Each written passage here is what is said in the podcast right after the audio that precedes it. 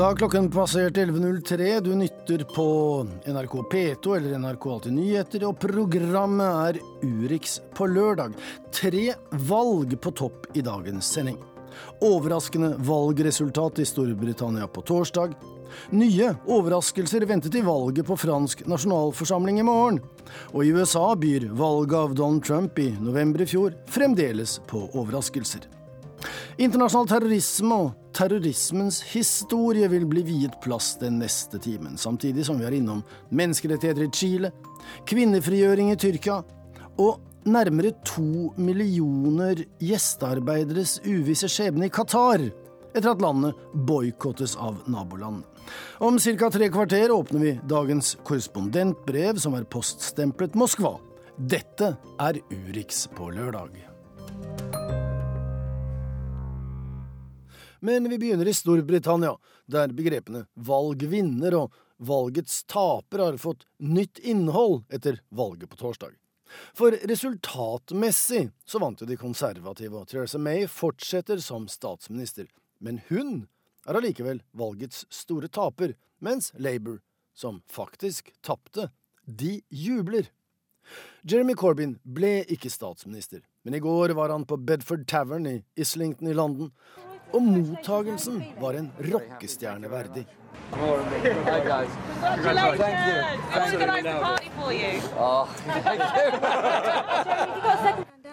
Corbyn var avslappet og tok seg god tid til klemmer og selfies. Folk var begeistret og optimistiske. Han snakket med alle, var omgjengelig og trygg.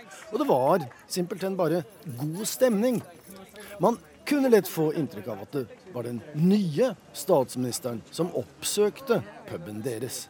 There's people now that haven't voted all their lives that are suddenly voting. That's got to tell you something. It's... Throughout this election campaign, he's just been phenomenal. I mean, the, the humility, the He is a figurehead for the party, a figurehead for the youth of the of the UK, and this is his time. He's going to lead the party on to the next four or five years, and I guarantee next next general election it will be a Labour majority with Jeremy Corbyn at the helm.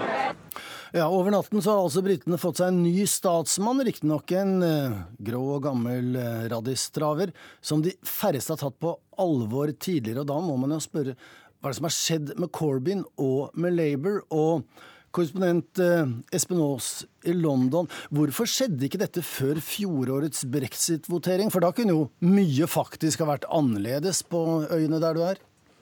Ja, Det er jo et veldig spennende spørsmål. fordi hva var det egentlig som gjorde at de konservative gjorde det så dårlig og Labour gjorde det så bra? Var det Jeremy Corbyn-faktoren som eh, mange eh, selvsagt eh, rundt ham gjerne vil ha det til? Eller var også dette et slags protestvalg når det gjelder regjeringens harde EU-linje? Vi har jo et land som er fortsatt mer eller mindre del på midten av de som fortsatt vil være i EU. og de som eh, vil ut. Eh, så dette bildet er jo ikke spesielt eh, lett å tegne. Samtidig så er det ikke noe tvil om at Jeremy Corbyn, etter at han begynte å ta på seg finere dresser, og også endret noe på sitt politiske budskap, dro det litt lenger inn på midten, også har blitt langt mer spiselig. Og så har han jo passet på å reise rundt i, i områder der han har tatt, blitt tatt godt imot, hvor de konservatives politikk har vært lite populær. Vi må jo ta høyde for at disse begeistrede velgerne vi hørte innledningsvis, det kan jo ha vært uh, Labour-sympatisører. Det var ikke nødvendigvis noe nøytralt utvalg av folk på den puben. Men det har jo vært store bevegelser i andre deler av Storbritannia. Også nasjonalistene i Skottland eksempel, gjorde jo et såpass dårlig valg, slik at uh, de kan ikke ha noe håp om å gå sine egne veier. Hvordan forklares utfallet der? Ja, Dette er jo et uh, interessant valg med en lang rekke tapere og egentlig veldig få uh, vinnere. For i uh, Skottland der gjorde de konservative det veldig godt, i motsetning til da, hvis du ser landet over ett, mens de skotske nasjonalistene gjorde det ganske dårlig. Og her forklares jo det med at ønsket om en ny løsrivelsesfolkeavstemning, en ny debatt om Skottland skal bli et eget land, det er ikke folk eh, interessert i. og Derfor så vendte de seg bort fra nasjonalistene, som da står helt til venstre i politikken, også til venstre for Labour, og vendte seg til de konservative. Og de har en veldig populær leder også i Skottland, og hun er for øvrig langt mer EU-vennlig enn det Theresa May er. For skottene jevnt over ønsket jo å bli værende i EU. Men for å rote til bildet enda litt til, da, så Ruth Davidson, som leder de skotske konservative, hun er lesbisk. Og den nye samarbeidspartneren til uh, Theresa May og det konservative partiet DUP, altså unionistpartiet fra Nord-Irland, de har en veldig uh, anti-homopolitikk. Så hun uh, synes Theresa May ikke skal drive dette samarbeidet, så det blir nok å holde på med her. Du, Da takker vi for at du gjorde oss enda mer forvirret gjennom disse siste minuttene, Espen Aas. Og vi lover å komme tilbake til deg. Men vi skal over kanalen, for det er valg også i Frankrike. Eh, de skal nå bestemme hvem som skal eh, være med å leke sammen med den nyvalgte presidenten Macron. Og eh, der er det også ventet store bevegelser i velgermassen. Philip Lote, du er på plass i Paris. Og hva er det man snakker om der før man nå skal ut og votere? Ja, altså Kun én måned etter at uh, franskmennene valgte Macron til president, så handler det om man skal få et uh, styringsgrunnlag for å gjennomføre sine planer for å modernisere Frankrike. Så handler det også om de tradisjonelle partiene, altså de konservative og sosialistpartiet, det franske Arbeiderpartiet, klarer å ta tilbake noe av det de tapte i presidentvalget, hvor de gjorde det svært dårlig. Og så til slutt så handler det om uh, ytterfløyene, altså det ytre venstre og det ytre høyre kommer inn i parlamentet med egne grupper grupper. Da må de ha minst 15 representanter, og det handler da særlig om Marine Le Pens nasjonal front. Og Macrons modernisering av Frankrike den er viktig for Europa, for det er en del av de pro-EU-kreftene i Europas plan for å fornye hele det europeiske prosjektet.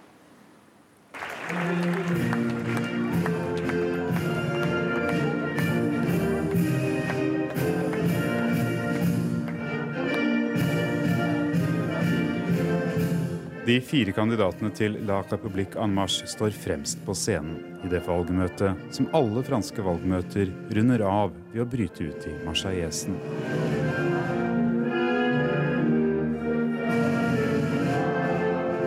Om en drøy uke kan alle fire være ferske medlemmer av det franske parlamentet. Det er en utrolig oppfølger til et ganske ellevilt presidentvalg.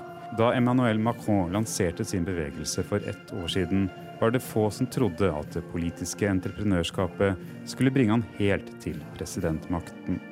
En måned og fire dager etter at det franske folk ga en sterk seier, kan et flertall av de samme velgerne være i ferd med å gjenta bedriften. De kan gi Macron og La République en Marche en enda mer overraskende seier. De siste målingene viser at de kan få rent flertall i det franske parlamentet. Jeg støtter en marsj fordi det er en bevegelse som bringer fornyelse, en ung president, endring og nye ideer. Det vil også forandre det bildet vi har av Frankrike i dag, sier Dimitri Pensi, som har deltatt på valgmøtet i Lyons naboby Villeurbanne sydøst i Frankrike. Bonjour, madame. C'est moi sur la photo. Bonne journée. Lenger nord driver Nasjonal Fronts kandidat valgkamp på torget i Chauny. Jean Messia har fått et godt distrikt. Her fikk partileder Marine Le Pen 53% av stemmene i presidentvalget. For Nasjonal Front var presidentvalget både en seier og en skuffelse. Aldri har de gjort det bedre, men fra Marine Le Pens andreplass var det likevel lenger enn forventet opp til Macron. Nå kjemper partiet ytterst til høyre for et endelig gjennombrudd i parlamentet og å etablere seg som den sterkeste kraften i opposisjonen. Uh, vi trenger en ekte opposisjon i nasjonalforsamlingen. Det er sant at Nasjonal Front er den eneste troverdige motstanderen som kjempet mot Macron hele veien. De andre sa allerede i første runde at folk skulle stemme på Macron, så de kan ikke si at de vil være en opposisjon.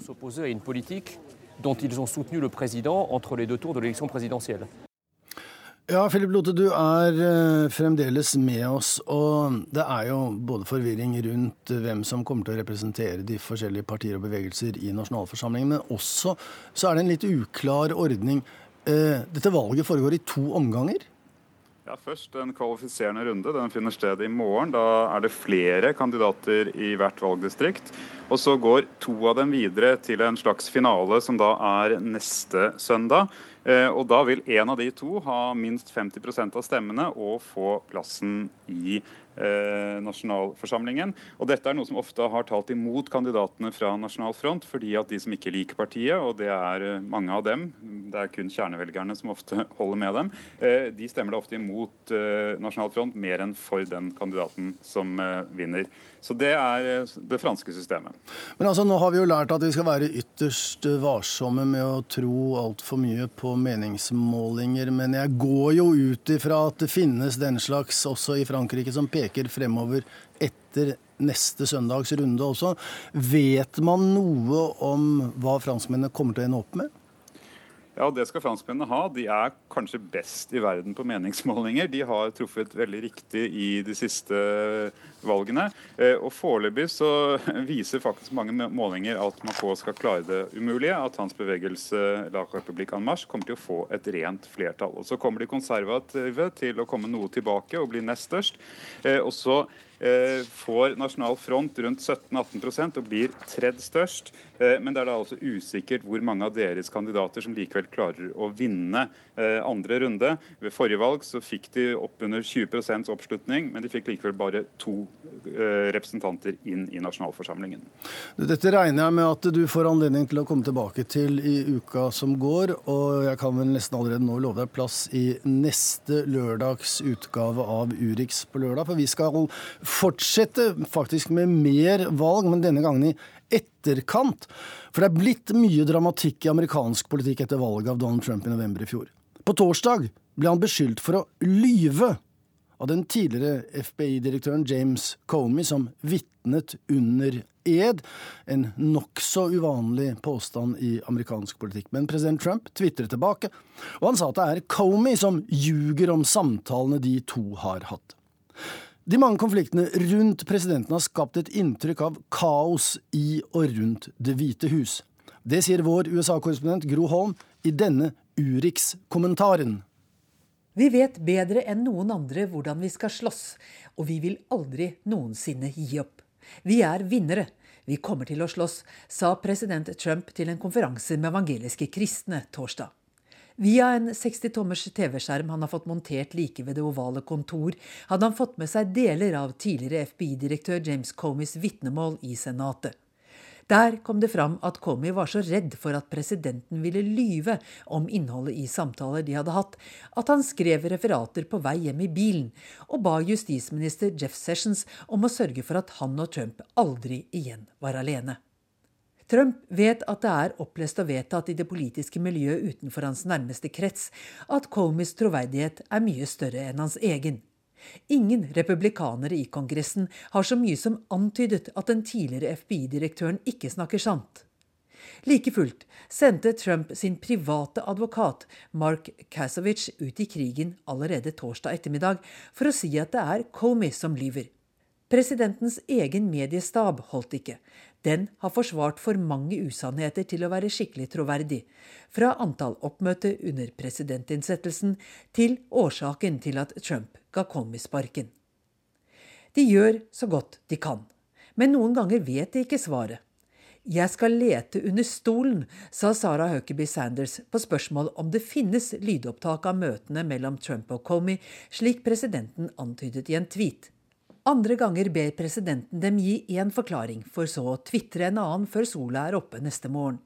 Han er sin egen verste fiende, mener mange. Han burde opptre med mindre drama, sa republikanernes leder i Senatet, Mitch McConnell, for noen uker siden.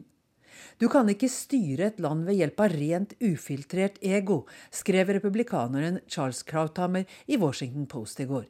Dette kan ikke fortsette, skrev han, men medga samtidig at han ikke ser hva det er som skulle kunne stoppe presidentens frenetiske utspill via Twitter. Og det er ingenting som tyder på at Det hvite hus er på vei ut av kaoset. Presidenten ble mer og mer innelukket, stengt inne i seg selv. Og det er ikke noe godt sted å være, skrev en annen kommentator nylig. Han stoler ikke på noen, kanskje med unntak av sin datter Ivanka.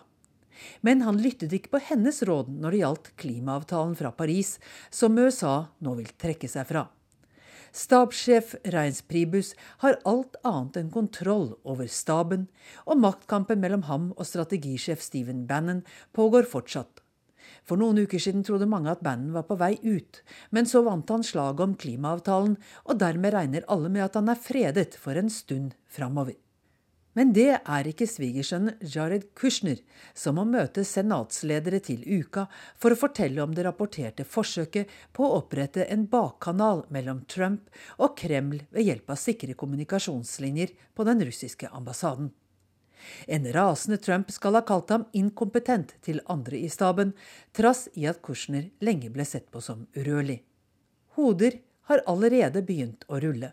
Nylig fikk kommunikasjonssjefen sparken, og avisene skriver at det skal være vanskelig å finne gode kandidater som vil takke ja til en slik Urias-post. En karikert og lattervekkende utgave av pressetalsmann Sean Spicer er blitt bortimot fast innslag i populære Saturday Night Live. Få tror at han har lenge igjen som Trumps betrodde.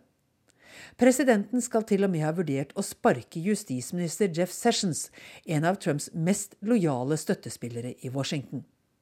Han liker å sette folk opp mot hverandre, men han liker egentlig ikke å gi folk sparken, sier folk som har jobbet med Trump. Kanskje er det derfor han i stedet kalte på sin mangeårige advokat, Mark Kasowicz, og vurderer å opprette en egen krisehåndteringsstab utenpå de stabene som allerede finnes. Sånt virker gjerne bare på kort sikt, for snart virvles de ferske hodene inn i gamle maktkamper. Og i sentrum sitter en president som verken stoler på sin stab eller trives spesielt godt alene.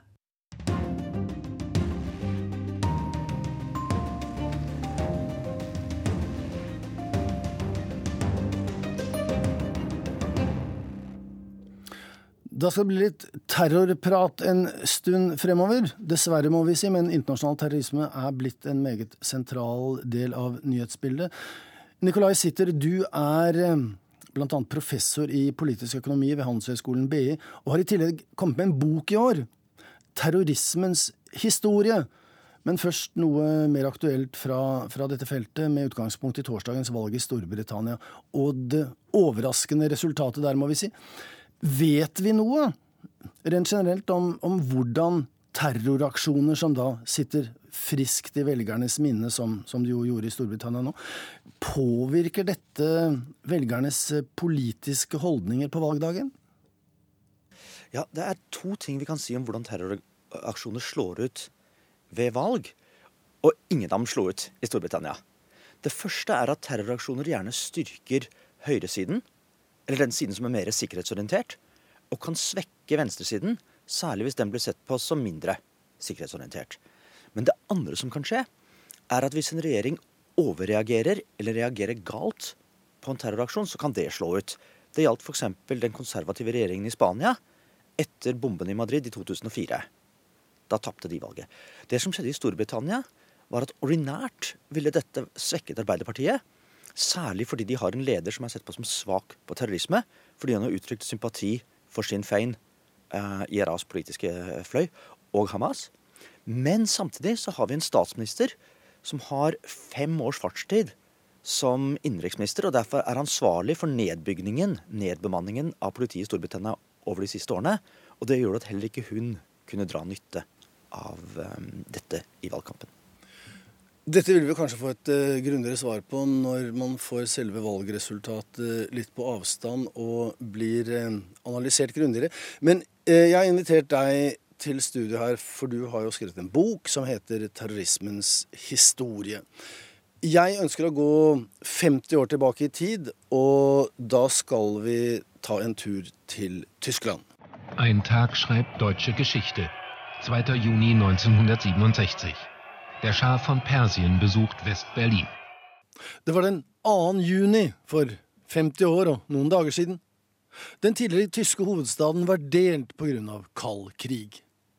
Tyske etterkrigsungdommer demonstrerte. Det var en blanding av protester mot Vietnamkrigen, fortvilelse annet over at tyskerne ikke hadde tatt noe skikkelig oppgjør med nazitiden, og generell studentradikalisme og antiimperialisme, samt at sjahen av Persia var på besøk i Vest-Berlin.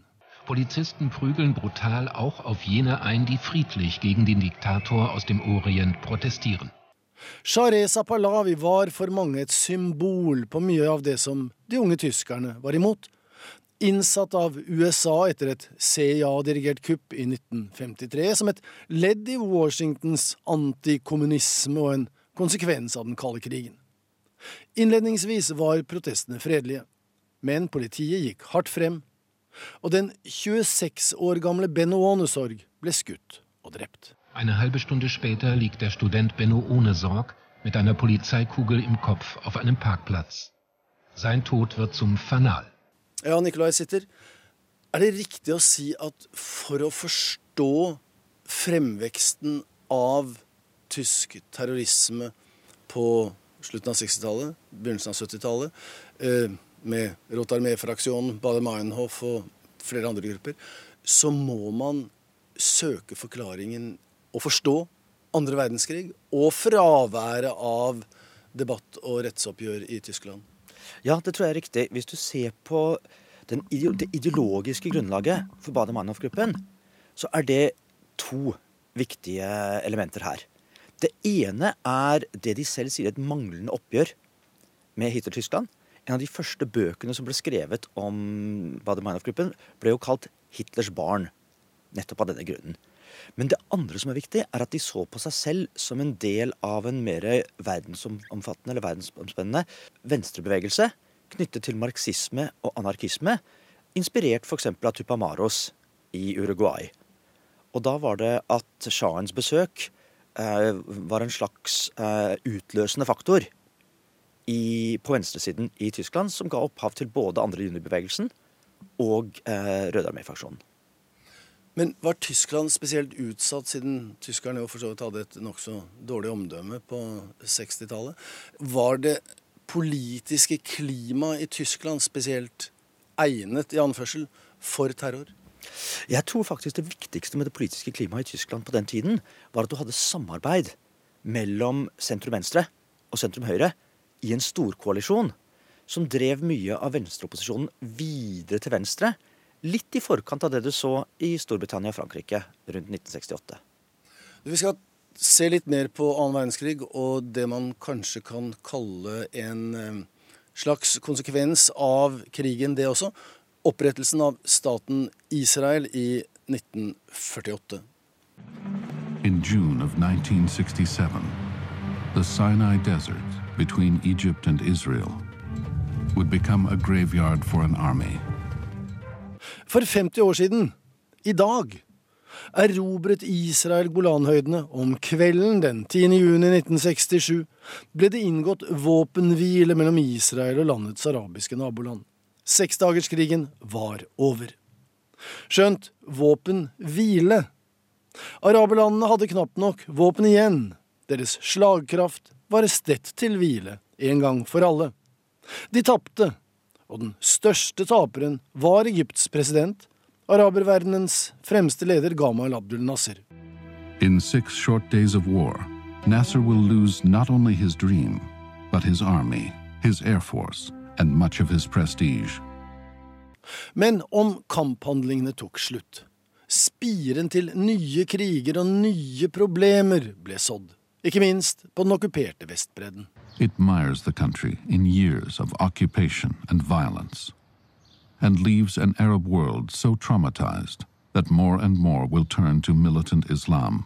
Du har også skrevet denne boken 'Terrorismens historie', og eh, Nikolai sitter eh, Etter opprettelsen av staten Israel så gikk det altså da 19 år frem til seksdagerskrigen.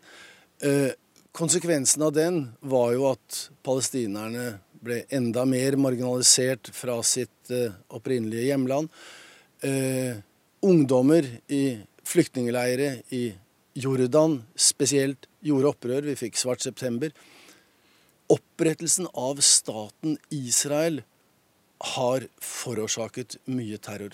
Men opprettelsen av staten Israel er vel også bare en konsekvens av tidligere tiders politikk? Ja, det er to, to, måter dette slår ut på. Det ene har å gjøre med prosessen for å opprette Israel. Jeg tror ikke at Menachem Begin eller Yitzhak Shamirs terrorgrupper hadde så veldig mye å gjøre med opprettelsen av staten Israel. Jeg tror heller det forsinket det. Men det at de gruppene ble bakt inn i Israels nye armé, påvirket jo måten eh, krigen mellom Israel og araberne ble, ble, gjennomført i 1948. På den andre siden så ser vi at etter at um, den arabiske siden tapte den krigen, så satte de fleste sin lit til Egypt som representant Egypt eller Syria som representanter for eh, palestinere. Etter seksdagerskrigen var det tydelig at de to landene ikke kunne gjøre det. De eneste som sto igjen som representanter for Palestinas væpnede kamp, var Arafat og Fatah. Så du kan si at Fatah som væpnet bevegelse, først geriljabevegelse, så en gruppe som eh, bedriver terrorisme, er, har direkte røtter i seksdagerskrigen, som igjen har direkte røtter i 48. Men for oss i dag så blir jo da det store spørsmålet Går det an å gå 50 år tilbake i tid, til utfallet av seksdagerskrigen, og se linjer frem til Al Qaida frem til IS? Ja, på mange måter så går det an. Fordi Al Qaida og IS oppsto som en slags rival til Hamas. Som ville skulle angripe den fjerne fienden, mens Hamas konsentrerte seg på den nære. Hamas på sin tid oppsto som en religiøst motivert rival til det sekulære Fatah, Arafats gruppe.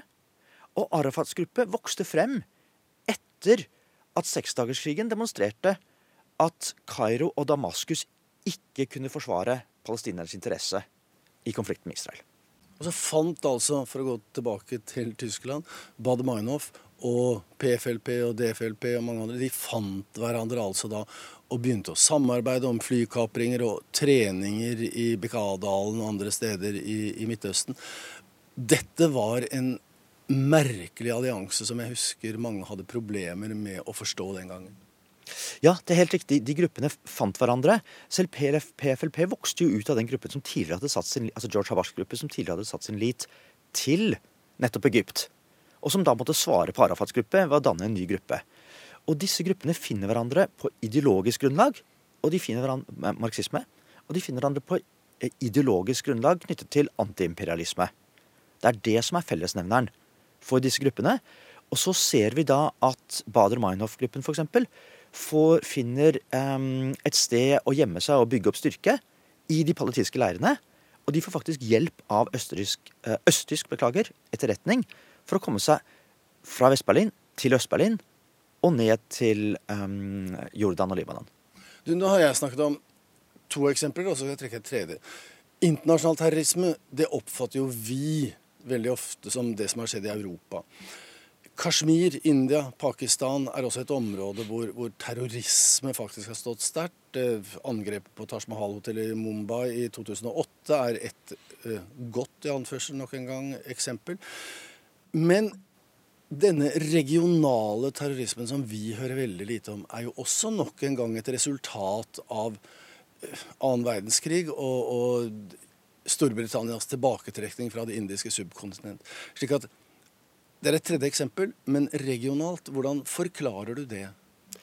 Eh, jeg tror terrorisme ofte har en eller to typer forskjellige årsaker. Den ene er nasjonal type terrorisme, som er knyttet til eh, kriger eller konflikter eller avkolonisering som ender på en måte som ikke er tilfredsstillende for den ene parten. Da blir, da blir terrorisme en slags videreføring av krig med andre midler. Men den andre typen terrorisme du har, er revolusjonær terrorisme. Terrorisme som er knyttet til enten høyreekstrem eller venstreekstrem ideologi for å skape revolusjon. Den er ikke nødvendigvis så mye knyttet til eh, internasjonal krig som den kan være knyttet til en lokal tolkning av en ideologi som skyller som en bølge gjennom verden. Og så har jeg nå insistert på å gå 50 år tilbake i tid. Du tripper i stolen, for du vil minst 150 år tilbake i tid for å finne de virkelige røttene til de store motsetningene. Ja, jeg tror moderne terrorisme bør, bør, altså, eller terrorisme bør tolkes som et moderne fenomen. I, I, den betydning at det har en politisk dimensjon, det har en væpnet dimensjon, og det har en propagandadimensjon. Propagandadimensjonen er knyttet til massemedia. Den væpnede eh, dimensjonen er knyttet til at du har en type våpen som du kan bruke for å forårsake stor skade eh, på kort tid. Og det er først og fremst dynamitt, som ble oppfunnet i 1867.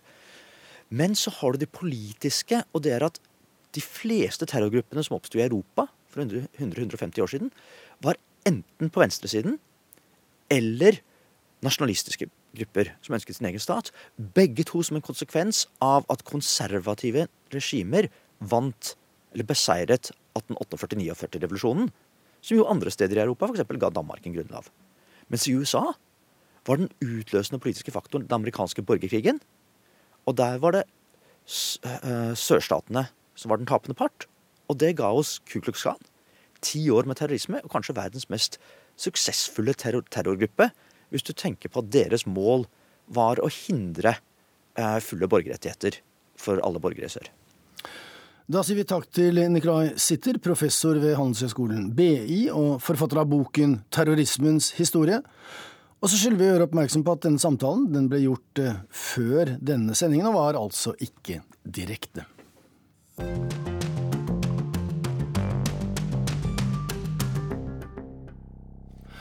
Da er klokken 11.34, og vi er tilbake direkte. Og vi skal eh, i hvert fall rent eh, teknologisk og digitalt og faglig til Tyrkia, der landets president Recep Tayyip Erdogan er en både elsket og hatet mann. Og blant de mange tyrkerne som elsker Erdogan, så finner vi faktisk konservative og religiøse kvinner. NRK har møtt to av dem, yrkeskvinner som begge vil opp og frem i samfunnet, og etter å ha blitt diskriminert av de sekulære, altså de verdslige, i mange år, så sier de nå til vår korrespondent i Istanbul, Sissel Wold, at Erdogan frigjorde dem. Would you say that Recep Tayyip Erdogan liberated religious women? Uh, of course. Uh, especially, uh, uh, especially after the headscarf ban. Selvsagt ble vi frigjort av Erdogan, sier Fatma Benli. Advokaten og parlamentarikeren husker med gru årene før Erdogan og hans parti AKP kom til makten i 2002. Det var tiden da alle kvinner med hodeplagg ble nektet adgang på universitetene og ikke fikk jobbe i staten. Uh, I enter the university and I couldn't practice as a lawyer. I couldn't and uh, I couldn't attend the trial as a lawyer. Jeg ble nektet adgang på universitetet og måtte slutte å undervise der. Og jeg måtte også gi opp å praktisere som advokat fordi jeg ikke fikk være til stede i rettssalen med Skaut. Men det var verre for de religiøse studentene som måtte avbryte studiene sine på den tiden, sier Benley til NRK. Vi sitter på advokatkontoret hennes like ved Trump Tower i Istanbul. Politikeren fra Erdogans parti er kledt i en stilig hvit og sort mønstret lang jakke og har den tyrkiske versjonen av hijab over håret, altså et skaut eller et skjerf som sitter litt løsere enn den arabiske hijaben. I 1997 stemte det tyrkiske parlamentet for å innføre forbudet mot skaut på skoler, universiteter og offentlige arbeidsplasser. De folkevalgte ville følge opp nasjonsbygger Mustafa Kemal Atatürks idé om å skille stat og religion, og holde fast på at Tyrkia skulle være en sekulær stat. Men dette forbudet fikk store følger for konservative religiøse kvinner, som ville ta utdannelse og komme seg ut i arbeidslivet. En av dem som ville opp og frem, var Bushra Ertopos. Çünkü başörtüsü takıyordum ve benimle birlikte bütün sınıf arkadaşlarımız hepimiz başörtü. Jeg gikk i annen klasse på videregående skole i 1997. Og midt i semesteret fikk ikke vi komme inn på skolen vår lenger. Alle elevene dekket til håret fordi vi gikk på en religiøs skole, forteller Bushra, som har på seg et turkist skaut. Men selv om skolegangen hennes ble avbrutt, lovte hun seg selv at hun skulle fullføre utdannelsen å gå på universitetet selv om hun ville passere 30 år. For Bushras store drøm var å bli religionslærer. Da partileder Recep Tayyip Erdogan brakte AKP til makten i 2002, gikk partiet inn for å avskaffe forbudet mot hodeplagg for kvinner. Og i 2008 kunne Bushra fortsette skolegangen. Fakat e, bir de realite var ki her şey yaşında en iyi şekilde yapılıyor. Utdannelsen min ble så forsinket, og jeg mistet mange år. Jeg forsøkte selvstudier hjemme i den tiden, men uten særlig hell. Og så fikk jeg barn. Men så ble forbudet opphevet. Takket være Erdogan kunne jeg studere på universitetet igjen, for jeg ga aldri opp den drømmen jeg hadde, forteller Bushra Ertopos stolt. Nå er hun endelig blitt religionslærer i den offentlige skolen, riktignok en del år etter skjema. Jeg spør henne om Erdogan og partiet AKP har frigjort konservative kvinner i Tyrkia. Absolutt. De ga oss våre rettigheter. Vi ble frigjort og kunne leve våre egne liv, sier den stillfarne tobarnsmoren med et smil. But we lost years. I lost 12 years. Advokaten og parlamentarikeren Fatma Benli mistet tolv år av livet sitt, sier hun. Hun fikk holde foredrag om kvinners rettigheter på Harvard University i USA, men ikke på sitt eget universitet i Istanbul.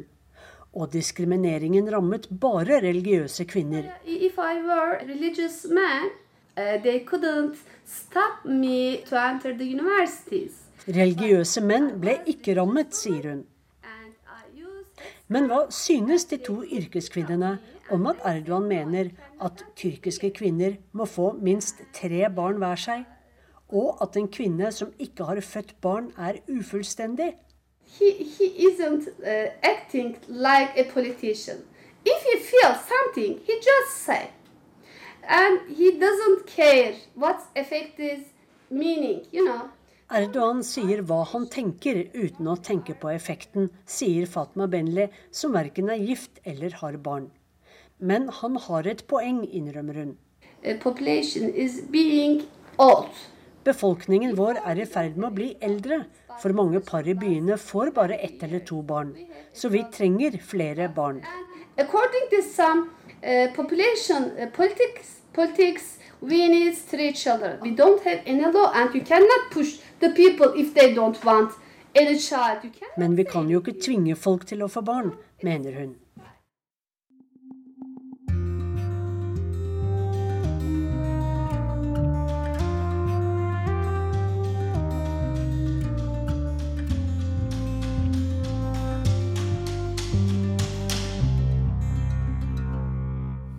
Latin-Amerika nå. Det er gått mer enn 25 år siden diktaturet i Chile ble avviklet og demokratiet gjeninnført. Mer enn 4000 mennesker ble myrdet av Pinochet-diktaturet mellom 1973 og 1990, men bare et fåtall av torturistene og bødlene er blitt straffet. Men det betyr ikke nødvendigvis at de går fri. For nylig ble mer enn 100 agenter fra Pinochet-diktaturets hemmelige politi dømt til fengselsstraffer. Dette er den mest omfattende dommen mot regimet noensinne, forteller Arnt Stefansen, som har besøkt den chilenske hovedstaden.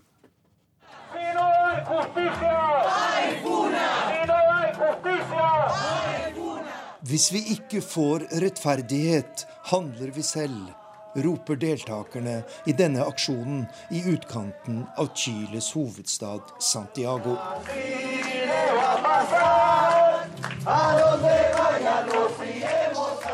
Det er gruppen Fona som står bak aksjonen. En bevegelse som har fått stor oppmerksomhet i Chile de siste årene. Fona identifiserer forbrytere fra Pinochet-diktaturet og oppsøker dem i deres hjem eller på deres arbeidsplass med plakater og slagord. Når ikke rettsstaten dømmer dem, gjør vi det på vår måte, sier deltakerne i aksjonen i Santiago.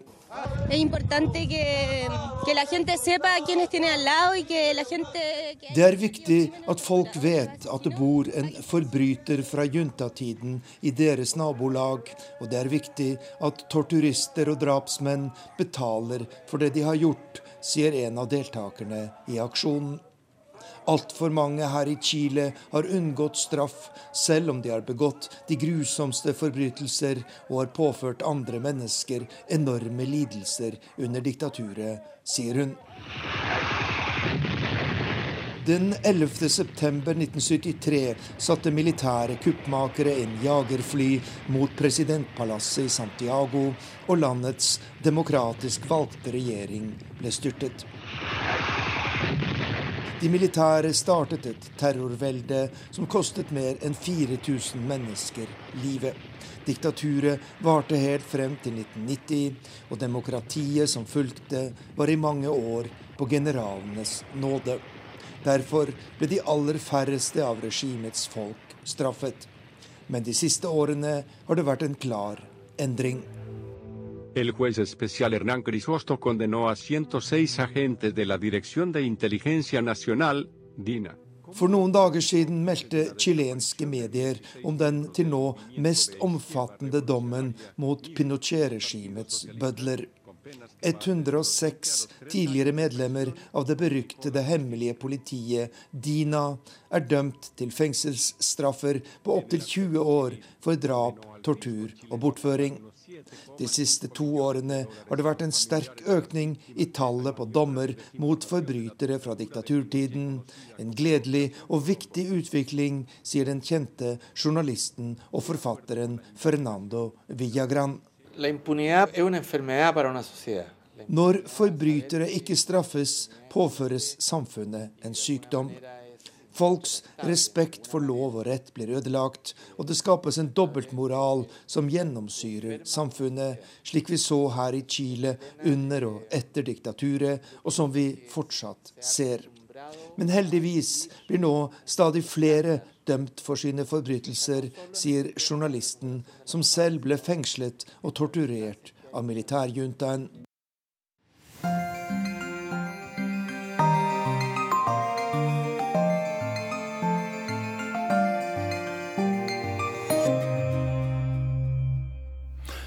Den diplomatiske krisen mellom Qatar og andre gulfstater kan få store ringvirkninger i en rekke asiatiske land.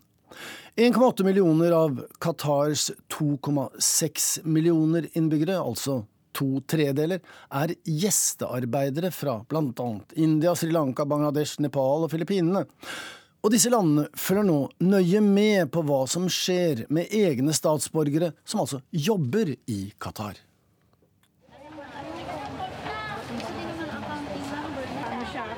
Køen er lang foran innsjekkingsskranken til Qatar Airways på Niño Aquino lufthavn utenfor Manila. Flygning QR933 til Doha er i rute, står det på lystavla. Det skal ta av klokka 18.35 fra gate 7. Alle som står i køen med sine ryggsekker og kofferter, er filippinske arbeidere som har vært hjemme på ferie. De har fått dispensasjon fra forbudet mot å reise til Qatar, som det filippinske arbeidsdepartementet innførte dagen før.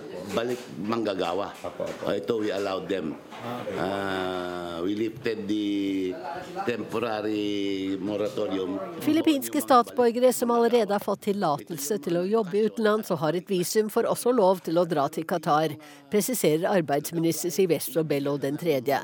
Men inntil videre behandler vi ingen nye søknader om å reise, sier han. Rundt 260 000 filippinere jobber i Qatar, som ingeniører, hushjelper og barnepiker, i helsesektoren og i reiseliv. Og den filippinske regjeringen frykter for sikkerheten deres hvis Saudi-Arabias blokade av Qatar fortsetter. Hva skjer hvis det blir mangel på mat og det oppstår opptøyer? Våre gjestearbeidere vil være de første ofrene. For deres sikkerhet må vi vurdere situasjonen før vi lar alle reise til Qatar igjen, mener den filippinske arbeidsministeren. I Nepal skaper stillheten på den stengte grenseovergangen mellom Saudi-Arabia og Qatar stor bekymring. Nesten 350 000 nepalske statsborgere bor på den rike lille halvøya som nå er isolert av sine arabiske naboer. De er den nest største gruppen av utlendinger der. Mange av dem er lastebilsjåfører som sørger for at mat og andre importvarer som Qatar er avhengig av, fraktes landeveien gjennom det eneste landet som Qatar deler en grense med.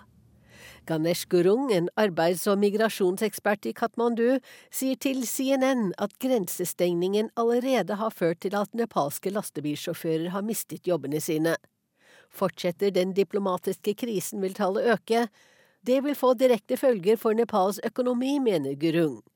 Landet er nemlig sterkt avhengig av pengene som nepalere i utlandet sender hjem. De utgjør rundt en firedel av brutto nasjonalprodukt. I delikatessedisken i en matbutikk i Doha kan de friste med indiske samosas og rispannekakene patiri. De fleste av kundene her er fra Sør-Asia, det som før het det indiske subkontinentet. Indere er den absolutt største gruppen av gjestearbeidere i Qatar. Hele 650 000 av dem bor der.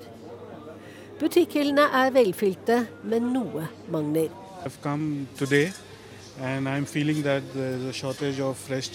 De har ikke nok fersk kylling her, det pleier vi ofte å kjøpe. Og så syns jeg det begynner å bli dårlig med melk, sier denne kunden. Melk er et av de mange produktene som Qatar importerer fra Saudi-Arabia. Men i motsetning til filippinske myndigheter er ikke den indiske regjeringen bekymret for sine statsborgere i Qatar. Det eneste som ville uroe oss, var hvis indiske statsborgere ble strandet i Qatar pga. boikotten mot landet. Men er det indere som sitter fast der, så kommer vi og henter dem hjem, sier utenriksminister Sushma Swaraj i New Delhi.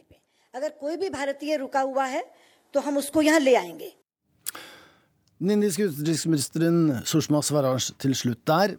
Reporter Wenche Eriksen.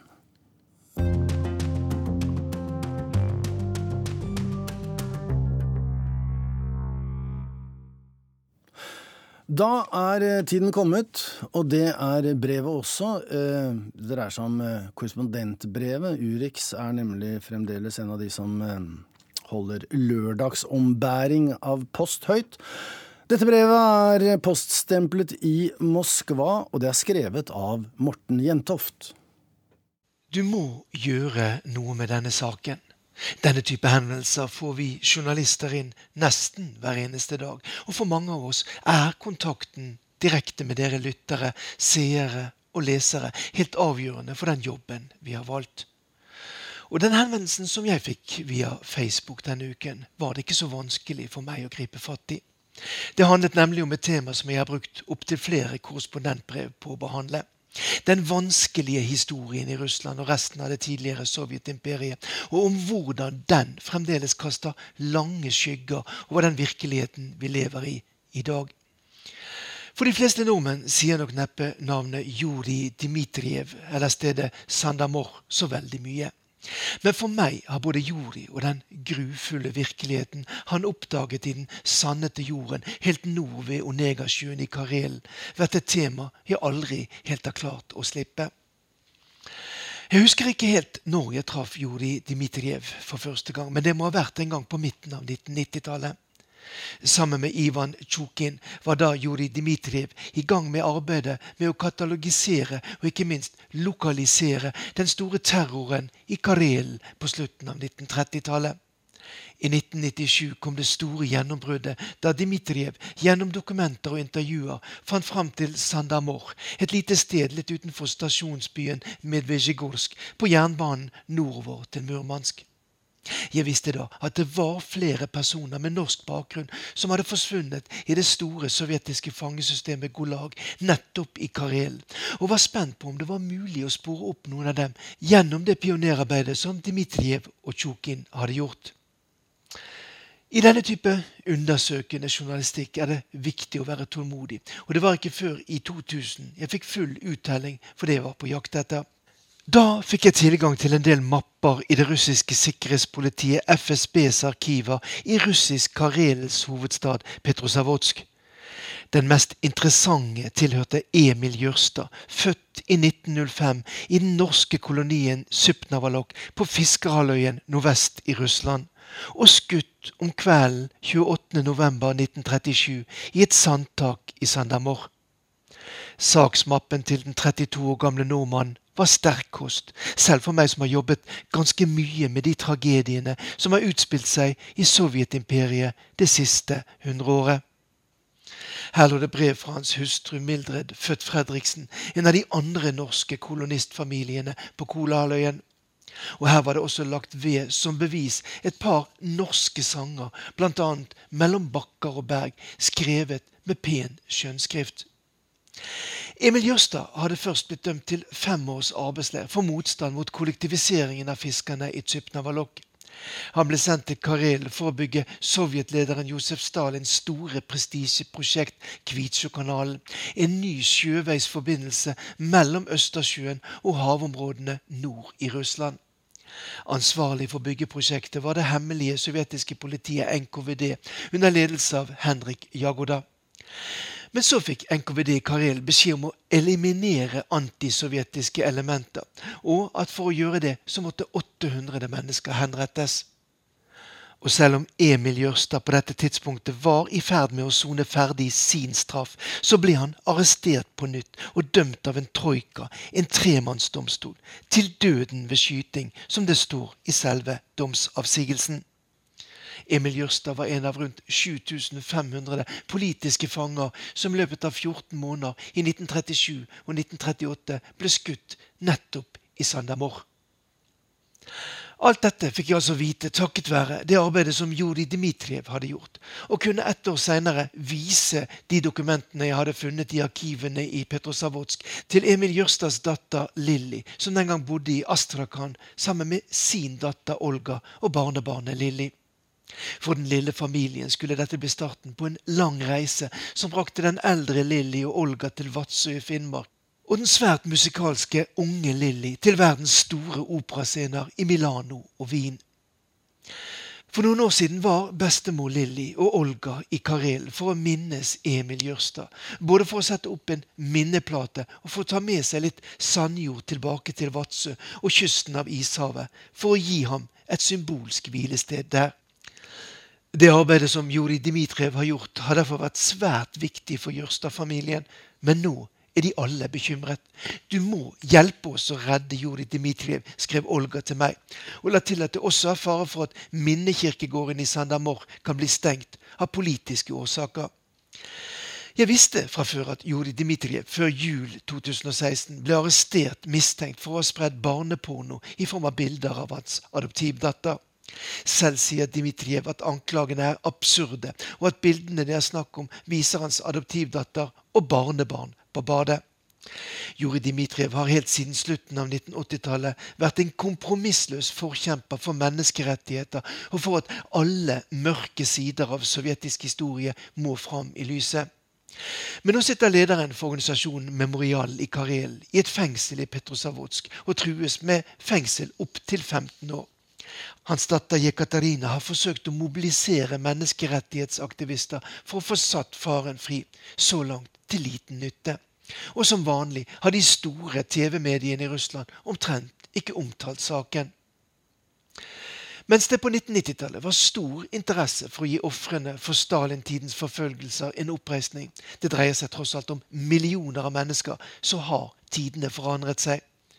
Nå hylles Stalin av mange som en stor leder som sørget for at Sovjetunionen kom seirende ut av annen verdenskrig. Og i Karelen er det de som stiller spørsmål ved det arbeidet som Juri Dmitrijev har gjort. Kan det være sovjetiske krigsfanger drept av fiendene under annen verdenskrig som ligger i massegraven i Sandamor? Og skal vi tillate at ukrainere kommer til Sandamor for å minnes ukrainske nasjonalister som ble skutt på 1930-tallet? Igjen ser vi at historien er blitt en politisk slagmark, og der Emil Jørstad og hans familie er små brikker i et spill det ikke er lett å forstå reglene i. I Russland er det i dag langt mer populært å snakke om bragdene under annen verdenskrig. Og det er ikke tvil om at den finske okkupasjonen av Øst-Karelen under fortsettelseskrigen fra 1941 til 1944 neppe er noe som Finland er spesielt stolt av når de i år feirer 100 år. Men finnene har tross alt innrømmet at 22 000 sovjetiske krigsfanger døde under annen verdenskrig. Vel tusen av disse ble av ulike årsaker skutt. Men Juri Dmitrijev har gang på gang blitt konfrontert med påstandene om at det kunne være russiske krigsfangere i Sandamor, og har svart at dette ikke stemmer, fordi finske kilder viser at krigsfangene døde eller ble drept andre steder. Lilly og Olga Jørstad fikk satt opp en minneplate for Emil Jørstad da de besøkte Sandamor i 2012. I tillegg til Emil vet de at nordmennene Claes Sjøstrand og Henrik Berger også ble drept eller skutt i Karelen på slutten av 1930-tallet, og ligger i en ukjent massegrav et eller annet sted i skogen. Minst 17 personer med norsk bakgrunn ble henrettet under forfølgelsen i Sovjetunionen på slutten av 1930-tallet. De fleste av dem ble drept i det daværende Leningrad og gravlagt i massegraver ved landsbyen Levasjovo, litt nord for byen som i dag har fått tilbake sitt gamle navn, St. Petersburg. Der fikk det norske generalkonsulatet på slutten av 1990-tallet satt opp en liten minneplate for å fortelle om den tragedien som hadde skjedd. I august i år var det meningen å markere at det nå er 20 år siden massegraven i Sandamor ble oppdaget. Men med mannen som avdekket grusomheten i fengsel og negative stemninger i offentligheten, er det sådd usikkerhet om hva som kommer til å skje med årets arrangement. Men takk til Olga Jørstad i Vadsø for at hun fikk i alle fall NRKs korrespondent til å løfte fram denne saken igjen. Det her er Morten Jentoft i Moskva. Vi minner om at en kortversjon av denne sendingen samt eh, dette korrespondentbrevet til Morten Jentoft det kan høres i P2 klokken 16.40, og selvfølgelig så kan det hentes frem fra nrk.no. Denne sendingen kom på luften fordi Finn Lie tok på seg det, tekniske ansvarlige. Eh, produsent var Ingvild Ryssdal, her i studio satt Joar Ho Larsen og stotret litt nå på tampen.